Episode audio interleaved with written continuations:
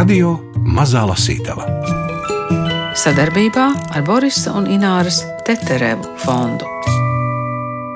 Jāņu zāļu pļavā 2015. gada 23. jūnijas. Mēs sēžamies auto un braucam iepirkties. Jāatjauno pārtiks krājumi un gribam iegādāties karti un ceļvedi Kanādas ceļojumam.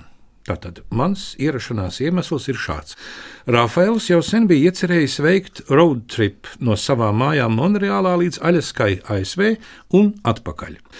Taču Tas nozīmē faktiski visas Kanādas šķērsošanu un tās dažādo provinču iepazīšanu.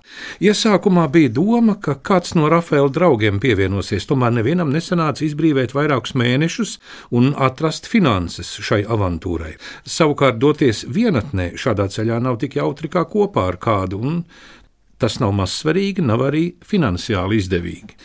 Izdevumi par degvielu, teltsvietām, nacionālo parku iebraukšanas kartēm, pārtiku un citām lietām nav tik sāpīgi, ja tiek dalīti uz pusēm.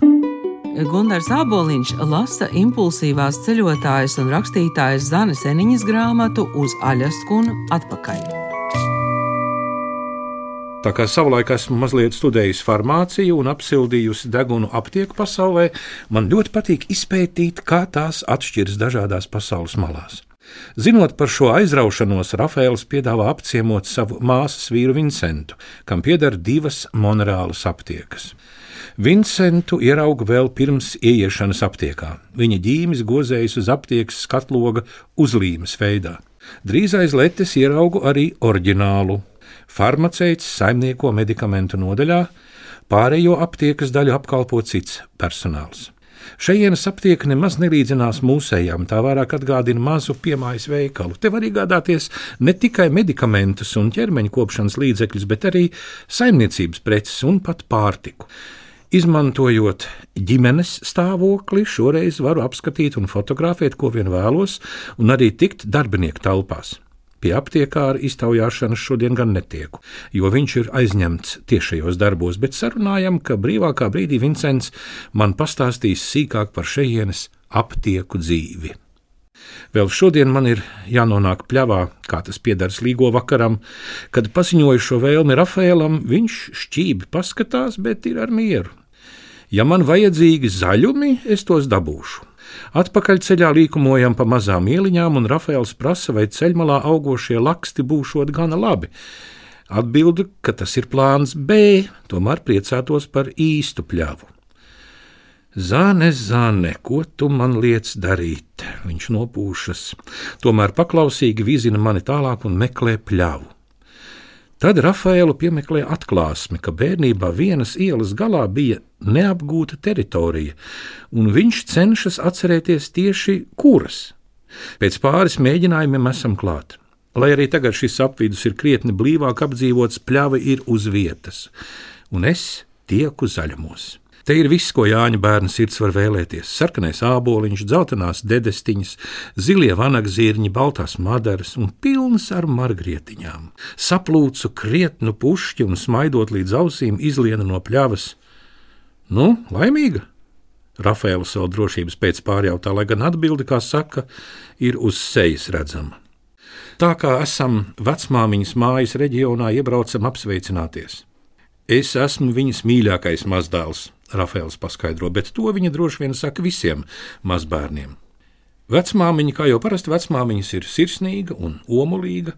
Rafaels stāsta, ka viņa augusi 12 bērnu ģimenē un, kad gatavo ēdienu, to joprojām dara armijas mērogā. Es to ļoti labi saprotu, lai arī nāk no tikai piecu cilvēku ģimenes. Īsti neprotu gatavot vienam vai diviem cilvēkiem šķiet, kā ar tādu ēdienu daudzumu nav ko ķēpāties. Vecmāmiņas dārzā ir viena uzparikte, kādu iepriekš neesmu redzējusi - šūpuļdīvāns kas šūpošanās kustību nodrošina nevis ar stiprinājumu augšā un brīvu kustību šurpa turpa, bet gan ar sliežu konstrukciju. Izskatās samizanti, bet viss darbojas lieliski. Vēl vecmāmiņas dārzs ir puķu pilns, un par spīti protestiem mana puķu kolekcija tiek papildināta ar krāšņu pujeni. Augu nosaukumi ir vieni no tiem vārdiem, kurus cilvēki parasti zina tikai dzimtajā valodā. Labi, es nerunāju par tik eh, populāru augu vārdiem kā piemēram bērs, roze vai tulpe. bet gan specifiskākiem. Šajās situācijās mēdz palīdzēt latīņu valoda. Tomēr, kad salīdzinām puķu nosaukumus latviešu un franciski, pārsteidzoši daudzi no tiem ir ļoti līdzīgi. Piemēram, margrietiņa ir margarita, puģene, pivon, ja? Mm. Oui, oui. oui, oui. Māju ceļā ķircinu Rafaelu, ka drīz pazīšu visus viņa draugus un radus, uz ko viņš atbild, ka tas nav iespējams, jo viņš pats visus nepazīst. Dažus no vairāk nekā 30 brālāniem nesot saticis nekad dzīvē. Mājās pagatavoja pusdienas un puķu kroni. Ok, izskatās, ka tu zini, ko dari. Rafaels novērtē rezultātu. Vainiciņš gan šodien ir vairāk manam priekam, jo Kvebekā svinēšana notiek rīt, 24. jūnijā. Tā ir Nacionālā brīvdiena, kad visos pagalmos kūp grili un tiek malkots alus. Senatnē šajā dienā svinēti vasaras saulgrieži, vēlāk svētkus pārņēmuši kristieši un nosaukuši tos par Svētā Jāņa Kristītāja dienu. 1834. gadā šiem svētkiem piešķirts politisks tonis, un šobrīd, 24. jūnijā, svin Kvebekas Nacionālo dienu, kurā tiek godātas franču saknes. Šodien man uzdevums ir nedzert alu un nēst sieru, kā piesacījusi draudzene Guna Bazone. Līdzīgi kā Dienvidamerikā, arī šajā ceļojuma turpinājumā draugi un lasītāji man joprojām lutina, uzsaucot ceļojuma dienas. Tas notiek tā, kāds man velta dienas budžeta 20 eiro kopā ar uzdevumu, kas šai dienā jādara. Piemēram, ir bijis uzdevums nofotografēties lidmašīnas pilota krēslā, bet visbiežāk ir kaut kas jāpēd vai jāiedzer vai arī nav, kā tas ir šajā gadījumā. Tāpēc vakarā, kad aizējām pie mājas oficiālam, tas ir bāriņam, kopā ar vienu no Rafaela draugiem, es pārmaiņas pēc alus vietā pasūtu sidru. Nekāda vaina, nu diena. Šovakar ejam pie miera laikus, svinības būs rīt, un man arī šodien neko vairāk nevajag, jo savu Jāņu sajūtu es noķēru jau pļavā. Sarunājoties ar Zani Eniņu, jautāsim arī par finansēm un romantiku, bet vispirms par to, kā tad tiek pierakstīti ceļojuma iespaidi. Manā gadījumā tas notiek ceļojuma laikā, jo tad, kad tu ceļo ilgāku laiku, nu, piemēram, šis ceļojums, par ko ir gan pirmā, gan otrā grāmata, ilga vairāk nekā gadu. Un, protams, ja es mēģinātu rakstīt, tad, kad es atgriezos mājās, atgriezīšos mājās, teiksim, pēc ceļojuma, tad kas nu vairs var atcerēties, kas ir noticis pirms gada? Nevar jau atcerēties, kas pagājušā nedēļa lāga ir noticis, jo ceļojot arī tās dienas ir tik ārkārtīgi krāsainas un piepildītas, ka, ja es to neizdaru tajā vai nākamajā dienā, tad uh, tās sajūtas mazliet saplok. Un tāpēc es cenšos pēc iespējas ātrāk tās piefiksēt. Diktafonā vai ar roku? Datorā. Tātad jums līdzi ir dators. Jā, un par to īpaši brīnījās cilvēki, tad, kad es gāju Santiago ceļu pirmo reizi. Tad, eh, tad visi uz mani skatījās lielām acīm un prasīja, un jūs nesat līdzi mugursomā datoru? Es saku, jā. Toties parādiet man kosmētikas somiņu, mm -hmm. un man ir līdzi tikai mazs šampūns un, un zobu pasta, un citiem tur ir, es nezinu, neskādi kremi. Tad es šo visu aizvietoju ar datoru. Pirmo reizi Santiago ceļā, tad bijusi arī otra vai trešā reize? Un arī ceturtā. Man ir bijis tā pieredze tāda, ka pirmo es nogāju franču ceļu, visu kopējo garumu, cik nu viņš tur bija 800, 900 km. Tad bija mazliet īsāks uh, Portugāles ceļš no Porto. Tad gan tā, jā, taisnība bija viens posms Francijā, un pēdējais ceļš bija okeāna iepšu ziemeļu ceļš, kas ir tāds jau uh, nu, salīdzinoši garāks. Zana, jums ir tādi plāni vai saraksti, kur jūs e, ceļosiet tālāk? Es esmu ārkārtīgi impulsīvs ceļotājs, un ja jūs man šo jautājumu būtu uzdevusi pirms kādām pāris nedēļām, tad es teiktu, ka man nav ne jausmas. Tagad tā jausma ir radusies, tāpēc, ka bija diezgan labas lidmašīnu biļešu akcijas, un es esmu rudenī nopirkusi biļetes uz e, Ziemeļameriku un uz Āziju. Tagad jau zinu. Bet um, šāds ceļojums uz Aļasku, kā tas notiek, vai tiešām impulsīvi? Jā, pilnīgi. es biju aizlidojusi uz Dienvidameriku un uh, biju plānojusi apceļot visu Dienvidamerikas valstis, bet pēc septiņiem ar pus mēnešiem sajūtos, ka uh, ir gana šīs neparastās kultūras. Un tad viens no ceļabiedriem, kas tika iepazīstināts šajā pirmajā ceļojuma posmā, bija plānojis doties braucienā uz Aļasku no savas mājvietas Monreālā. Un stāstot par šo ceļojumu, man tas izklausījās tik ļoti aicinošs un jauks, un tad viņš man teica, sākumā kā joku, un pēc tam kā nopietnību, nu, bet pievienojies, kāpēc ne? Un tad es vēl kādu brīdiņu paceļoju pa Dienvidameriku un domāju, bet, bet tiešām kāpēc ne? Un tad es aizlidoju uz Ņujorku un aizbraucu uz Monreālu un pievienojos uh, savam ceļabiedram Rafēlam, un tā mēs devāmies ceļā uz Aļasku. Divi tā? Jā. Ar kājām no Monreālas uz Aļasku? Ar mašīnu, šoreiz ar mašīnu. Cik svarīgs ir tas ceļa biedrs, īpaši šādā kontekstā, ja jūs sakāt, ka jūs braucāt divatā? Nu, ļoti svarīgs, jo es pat teiktu, ka tas ir trakāk nekā apprecēties.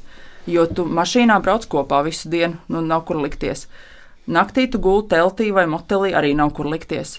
Un tu pat pastaigāties nevar viens aiziet, tāpēc ka tur ir tāda lāču draudi. Un ir jāiet, nu, jo lielākā kompānijā, jo labāk. Un ir vietas, kur tu viens vispār nedrīkst doties ārā. Nu, tad rezultātā mēs bijām kopā 24 stundas diennaktī, un uh, pēc kāda laiciņa, protams, bijām viens otram mazliet apnikuši kā jau tas varētu būt. Bet tāda krīzes perioda jau uznāk liekas, katram. Nu, tāpat kā jūs pieminējāt, laulības dzīve arī tur jau pēc diviem gadiem ir krīze, un, bet tur nav 24 stundas dien, dienā kopā. Nu, pandēmijas apstākļi gan man šķiet daudziem pāriem arī bija tāds pārbaudījums. Nu, jā, šis vēl notika pirms pandēmijas laikā, bet tas bija kopumā mums šie raksturi ir ļoti saskanīgi, un mums ir līdzīgas intereses un dzīves uzskati. Un... Humoru izjūt jums saskan? Jā, tas ir galvenais. Jā, es jums pilnīgi piekrītu piekrīt. Un, un, un, mums, un tas, ko arī uh, daži cilvēki, kas šo grāmatu ir lasījuši, ir teikuši, ka tajā ir daudz humora, un arī prasīja, vai tāpēc, ka man izdodas to labi aprakstīt, vai tāpēc, ka man ir uh, jautrs ceļabiedrs. Nu, es saku, ka es gribētu cerēt, ka abi divi. Un, protams, ka ar humoru mēs tikām ārā no daudzām situācijām, bet tad, kad mums tā kā samilza pavisam tās, tās attiecības, tad Es aizlidoju uz Filipīnām, un, un ceļabiedrs aizgāja um, desmit dienas tādā izdzīvošanas nometnē, un pēc šīs pauzes atkal viss bija kārtībā. Ceļošana tas ir arī veids, kā var uzturēt sevi. Tas jau, es domāju, es uzdošu jautājumu. Tas, tas nav īsti praktisks jautājums. Bet, bet domāju, daudz cilvēku, kur mūs klausās, tomēr interesē, kur jūs ņemat finansējumu šādam ceļojumam. Es ļoti bieži pēdējā laikā tiekos ar biblioteku lasītājiem, un es faktiski to stāstu vakar sāku ar atbildu uz šo jautājumu, lai cilvēkiem prāts nomierinās, un tad var klausīties par tiem ceļojumiem. Ceļot var ārkārtīgi dažādi, un es ceļoju pat, teiksim tā, samērā pieticīgiem līdzekļiem, pamatā es cenšos eh, ceļot ar budžetu 20 eiro dienā, kas ir nu, pilnīgi visam - transportam, ēšanai, gulēšanai un tam līdzīgi. Protams, šādā aļaskas braucienā, kur ir jālaiž degviela un citādāk izdevumi, tur šis budžets bija nedaudz lielāks. Es pamatā ceļoju no saviem ietaupījumiem. Tad, kad es esmu šeit uz vietas Latvijā, es strādāju komunikācijas jomā un nopelnu naudu. Un tad, kad es ceļoju, es pamatā tērēju, bet esmu pateicīga arī maniem lasītājiem par atbalstu. Jo mani bloga lasītāji ir ļoti jauki un sirsnīgi ļaudis, un ik pa laikam man nosponsorēja kādu dienu.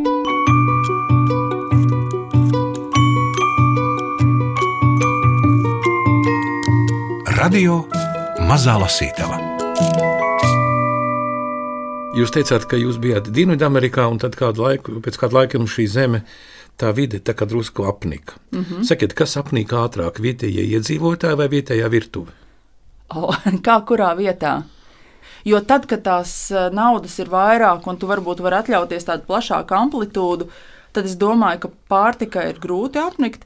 Bet tā kā es parasti cenšos ēst to pašu, ko vietējie, tad, nu, piemēram, Indijas dienvidos man ļoti apnika kaut kāda mīklas izstrādājuma. Man it kā garšo, bet nu, pēc divām nedēļām likās, nu, kā var ēst visu laiku vienu un to pašu. Tā ir mīkla. Tā ir mīkla, vai ne? un, un Āzijā tas pats ir ar kaut kādiem rīsiem, brokastīs. Man arī likās, ka es rīsus ilgi neēdīšu, bet, bet nav tik traki. Dienvidamerikā bija vairāk stāstu par cilvēkiem. Rezumējot to visu divos vārdos, viņi melo. Un e, nesaprotam iemeslu pēc. Nu, piemēram, man ir bijusi tāda situācija, ka Eh, es eh, atbraucu no rīta uz autoostu un es prasu, nu, cikos atties autobusu uz to pilsētu, kur man vajag. Un sieviete šausmīgi steidzīgi sāk teikt, nē, pēc ne, vai pēc cik tur tām minūtēm būs, un, un tagad ātri un steidzieties, un es to biļeti nopērku un skrienu uz to peronu. Tad, kad es tur nonāku, es saprotu, ka ir kluss un tukšs un neviena nav, un satikusi kādu vietējo sieviņu. Viņa saka, nē, bet būs vēl pēc stundas tas autobuss. Un es domāju, nu, kāpēc tā ir jāmanās, un man ir tik daudz laika, lai aizietu un paprasītu. Un cilvēkam nav atbildi. Viņš vienkārši paskatās tev, nolaiž acis un viss. Un, Jūs viņai pēc tam prasījāt, kāpēc jūs mānījāties? Jā. Es aizgāju paprasīt, tāpēc es domāju, nu, kāpēc? kāpēc man tagad ir jāskrien pa kaut kādiem peroniem un tā tālāk. Un citreiz es saprotu, ka manās ar jēgu, jo grib kaut ko nopelnīt vai vēl kaut ko, bet šeit kāpēc? Un to es joprojām Tā ir nesaprotu. nacionālā īpatnība. Nu, iespējams, un, un man bija gadījumi, kad vienā dienā šāda rakstura gadījuma notika pa ķēdīti kādi 4, 5. Un tad vienā brīdī tu esi tik ļoti nogurs no tā, ka visu laiku nu, tev melo cilvēki par kaut kādām absolūti ikdienišķām lietām. Un, Nu jā, un tad, kad es aizlidoju tālāk uz Ziemeļameriku, tad tajā brīdī es ļoti atpūtos, jo nu, mēs bijām atpakaļ kultūrā, kas mums ir pierasta. Tad es zināju, ka cilvēki saka to, ko viņi domā, un tas bija tā atvieglojums tajā brīdī. Cik valodās jūs varat sazināties ar vietējiem iedzīvotājiem? nu, neskaidrot dzimto valodu, nu, es uzskatu, ka otrā valoda man ir angļu valoda. Trešā ir krievu, ceturtā ir spāņu. Tā kā nu, ar šīm valodām es lielākoties tieku cauri. Ja ļoti vajag, varu arī vāciski, bet ā, nu, tas ir grūti. Esmu mācījusies vēl franču, zviedru, islandiešu, persiešu valodas, bet ā, no tām atceros vien dažus lamu vārdus vai tam līdzīgus. Iznāk, ka tie tomēr ir pirmie, kurus iemācās. Pirmie, jā, jā, jā. Vai Tie ir atcerās? svarīgākie. Nezinu, kāpēc vislabāk paliek atmiņā. Pa, paklau, palasīsim. Grāmatas iekšpusē jau ir tas ceļojuma maršruts. Nu, tā lai būtu tas priekšstats, eh, un tad kreisajā pusītē ir tāda zvaigznīte, kur ir Monreāla redzama, lai ir skaidrs, kur Ne, tad mēs Te ir sākām. Monreāla, un te jūs devāties te Jā. līdz uh, Watertonas ezeram, tad uz augšu. Jā, un tad mēs čersojām polāro loku pēc šāda izskrējiena. Inuvika. Jā, līdz Inuvikai, taipus eh, ziemeļu polārajam lokam. Tur dzīvo inuīti, un uh, uz turieni ved Dempstera ceļš, kas ir 735 km garš, baltais ceļš, uz kā ir ļoti jāmēģina nepārdurt riepas un nepārsist veistiklu. Mēs gan eh, bez, bez vienas riepas palikām, bet bijām, bijām tam gatavi. Paga- Nepārsist vējas stiklu varētu būt kāds uzmests akmentiņš. Jā, bet- jo bet viss ceļš ir klāts ar akmentiņiem, un vietējās fūras brauc ar lieliem ātrumiem, un līdz ar to tie akmeņu, tās akmeņu šaltas lido veistiklā. Un savukārt eh, daži no tiem akmeņiem ir asi. Tas konkrētais, kas, piemēram, pārdūra mūsu riepu, bija tā tāds ogles, eh, me- melns akmentiņš ar tādu ļoti, ļoti smailu galu. Viņš bija iedūries riepā. Bet to mums vietējie teica, lai mēs pat nemēģinām šo ceļu braukt bez rezerves riepas, un tad mēs arī pirms šī ceļa tādu nopirkām un bijām par to ļoti priecīgi. Un tad tāds astotnieks tur veidojas. Jā, un tad nedaudz padzīvojām, apskatījām Aļasku, un tad sākām uh, doties māju ceļā. Bet tad jūs esat lejā līdz Ņujorkai, tikuši līdz Jā, tāpēc Hjustonai. ka mēs uh, mazliet aizkavējāmies, un tad bija tāda, tāds agrs rīts Amerikas uh, Savienoto Valstu uh, ziemeļos, un mēs pamodāmies un ieraudzījām, ka telts ir apsarmojusi nevien no ārpuses, bet arī no iekšpuses. Viss ir sasalis, lokus mašīnai ir aizsalis, ir šausmīgi augsts, un mēs pat nevarējām iekurināt plītiņu, lai uzvārītu kafiju, jo tā gāze nedarbojās. Un tajā dienā mēs vienkārši gandrīz ne vārdu neteikdami to telti ielikām mašīnā, kādu viņi ir, piespiedām gāzes pedāli un atlaidām viņu pēc apmēram 1000 km.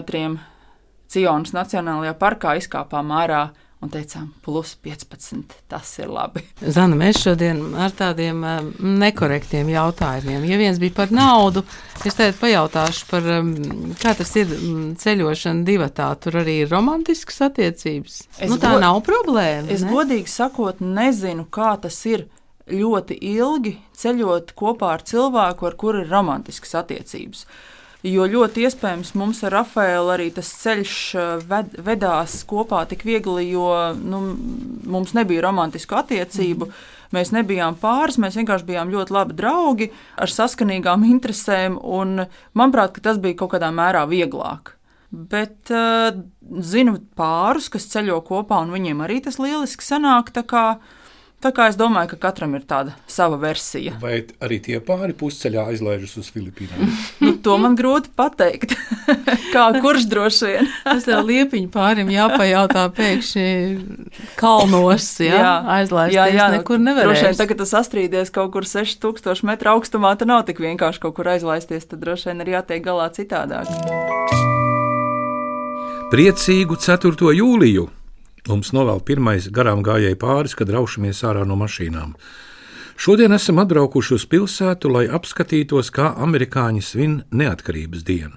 Visvairāk izmaiņu redzams cilvēku apģērbā - kleitas, krekli, šorti, matu rotājumi, krelles.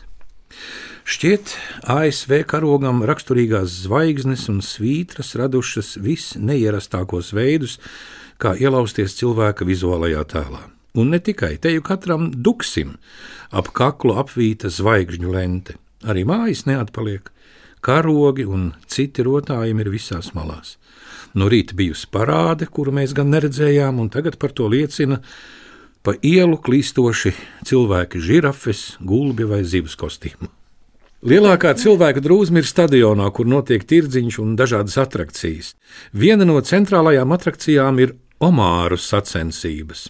Pēc signāla seši omāri tiek ielikti katrs savā ūdensrenē, un tas, kurš pirmais tiks līdz otram galam, būs uzvarētājs. Iesākumā visi omāri stāv uz vietas, kā apduluši un neko nedara. Tad gaviļu pavadīts viens sāk kustēties. Tad cits uzņem pavisam ātru tempu un šķiet, ka uzvarētājs ir skaidrs, bet īsi pirms finiša šis apstājas un sāk čāpot atpakaļ gaitā. Cits censonis tā nedara un pēc dažām minūtēm ir nonācis galā. Kad esam gan redzējuši svētkus, dodamies uz piknika vietu netālu no okeāna, kur piesēst un notiesāt pusdienas. Man jau atkal šī tik ļoti civilizētā pieeja šķiet mazliet neierasta, bet no otras puses, kāpēc ne? Atceļā vēl piestājam pāris vietās, lai papriecātos par okeānu, tad atgriežamies kempingā. Mums ir izdevies noēst lielāko daļu pārtikas, tāpēc zēni aizbrauc iepirkties. Pirmo reizi pa šīm dienām mēs paliekam ar ženiju divatā un varam aprunāties. Man ir sajūta, ka viņai bija vajadzīgs laiks, lai no malas pavērotu, kas es esmu par jocīgu putnu, kurš tagad ceļo ar viņas brāli. Bet šķiet, ka pēc neilgas aprunāšanās par patvērsmes dzīvniekiem, biznesu un dzīves jēgu, esam lēnām saradušas. Puisi atgriežas ar kukurūzu, desiņām un alus buļģiņām, kas par godu neatkarības dienai arī ir karogas vītrām rotātas. Vēl mēs nobaudām arī sidru, kuram ir ļoti skaista etiķete. Saku, ka man šis attēls atgādina kāršu spēli Magic the Gathering. GS paskatās uz mani ciešāk, tu spēlē MTG? Ai, nu kādreiz spēlēju, ne jau tā, ka ļoti labi, bet galvenajos vilcienos saprotu, par ko ir stāsts. Nākamo stundu mēs pavadām diskutējot par dekiem, krīčeriem, enčetmentiem un visiem citiem tēliem, kuru nosaukumus es pat nemēģināšu latviskot. Šis ir mūsu pēdējais vakars. Un 4. jūlijas, tāpēc puiši ir apņēmības pilni radīt lielāko ugunskura, ko šis kempings ir pieredzējis. Ārpus metāla barjeras pagalas netiek, bet augstumā tiek krautas dažādas skulptūras. Pēc brīža esam spiesti pavirzīties pāris metrus tālāk, jo uguns karsē pēc pilnas programmas. Aizejot līdz labierīcībām, kas atrodas gabaliņu nostāk, redzu, ka mūsu apmetni var nekļūdīgi atpazīt pat no attāluma. Kamēr ugunskurs vēl nebija ieguvis šī brīža apmērus, garām brauca parka rangeri un ugunsdzēsēji. Ja viņi parādīsies atkal, vienojamies ar nopietnām sejām teikt, ka uguns ir par godu 4. jūlijam mēs arī svinam. Bet eh, pandēmija, ko pandēmija nodarīja ceļošanai? Tā bija ļoti jocīga sajūta, un eh, tāpēc ir tapušas šīs abas grāmatas. Man pirmā grāmata, Nekaunīgais pingvīns, un otrā uz Aļasku un atpakaļ. Jo pirmkārt parādījās laiks rakstīšanai, un parādījās um, sajūta par to, ka pieredzētais ir kaut kas īpašs. Jo tad, kad tas viss ir pieejams un tu jebkurā brīdī vari ielikt lidmašīnā un aizlidot, kur gribi, tad tas liekas tā, nu, jā, nu tas jau tā gandrīz vai ikdienišķi. Un tajā brīdī, kad lidmašīnas nelidoja un robežas bija slēgts, tad es sēdēju mājās un sapratu, jā, cik patiesībā um, bagāta ir tā mana ceļošanas pieredze, cik daudz es redzējusi. Un, un jā, es vienkārši labāk to novērtēju. Ceļojumos bieži atceros situācijas, kuras piedzīvoja Džeroma grāmatas trīs vīri laivā varoņi. Dzīvē mēdz notikt tieši tāpat. Kas tur notika? Oi, tas notiek gandrīz, nu, jebkurā brīdī, kad, piemēram, mēs cenšamies uzcelt telti un, un tajā brīdī sapinamies auklās un, un tā telts mēģina mūs nožņaukt, vai, vai tajā brīdī, kad mums priekšā stāv konservu kārba bez attaisāmā, nu, tad es vienmēr atceros trīs vīrus laivās un vai arī tiek pagatavots ēdiens no dažne dažādām tām sastāvdaļām, tad tas vienmēr sauc sīru sautējums. Nu, tā viennozīmīgi ir viena no manām mīļākajām grāmatām, un tāpēc ceļojot, es, es itin bieži atceros dažādas citātus. Zana Zeniņas grāmatu uz Aļasku un atpakaļ izdevusi Zvaigzne ABC. Lasīja Gundars Āboliņš, sarunājās un klausījās Agita Bērziņa, Nora Mitspapa un Ingvilda Strautmane. Bet man nezinu, kāpēc likās svarīgi atgriešanās mājās. Pa Mississippi kuģīts pelda. Svētdienas rīts atnāk lēns un saguris.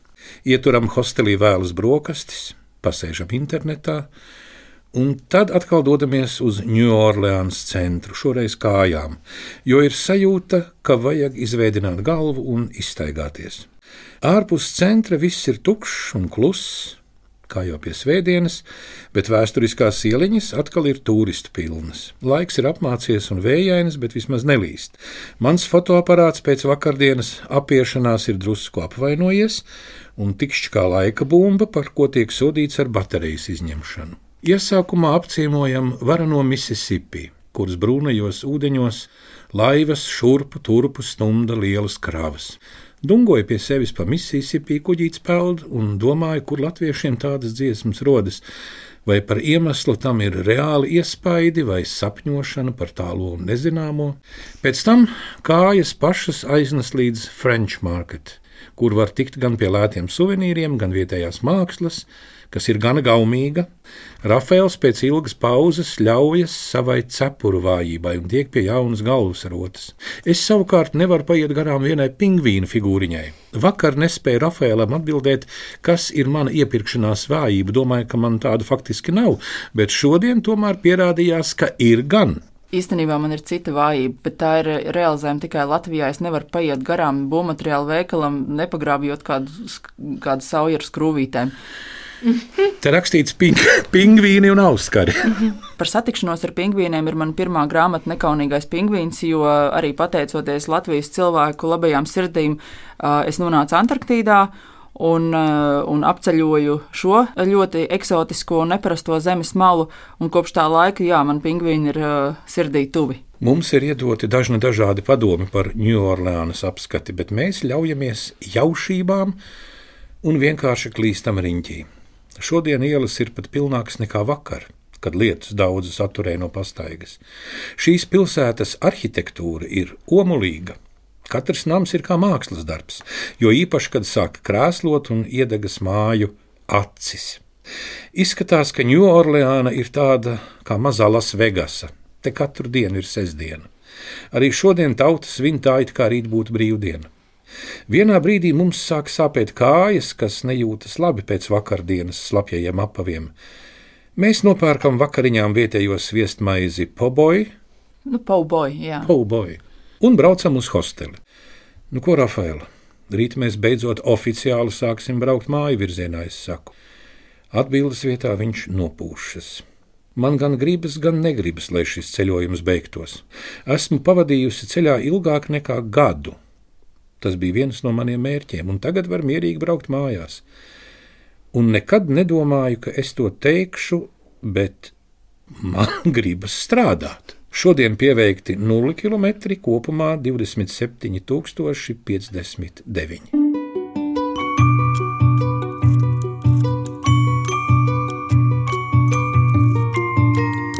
Radio Mazā Lasītava sadarbībā ar Borisa un Ināras Teterevu fondu.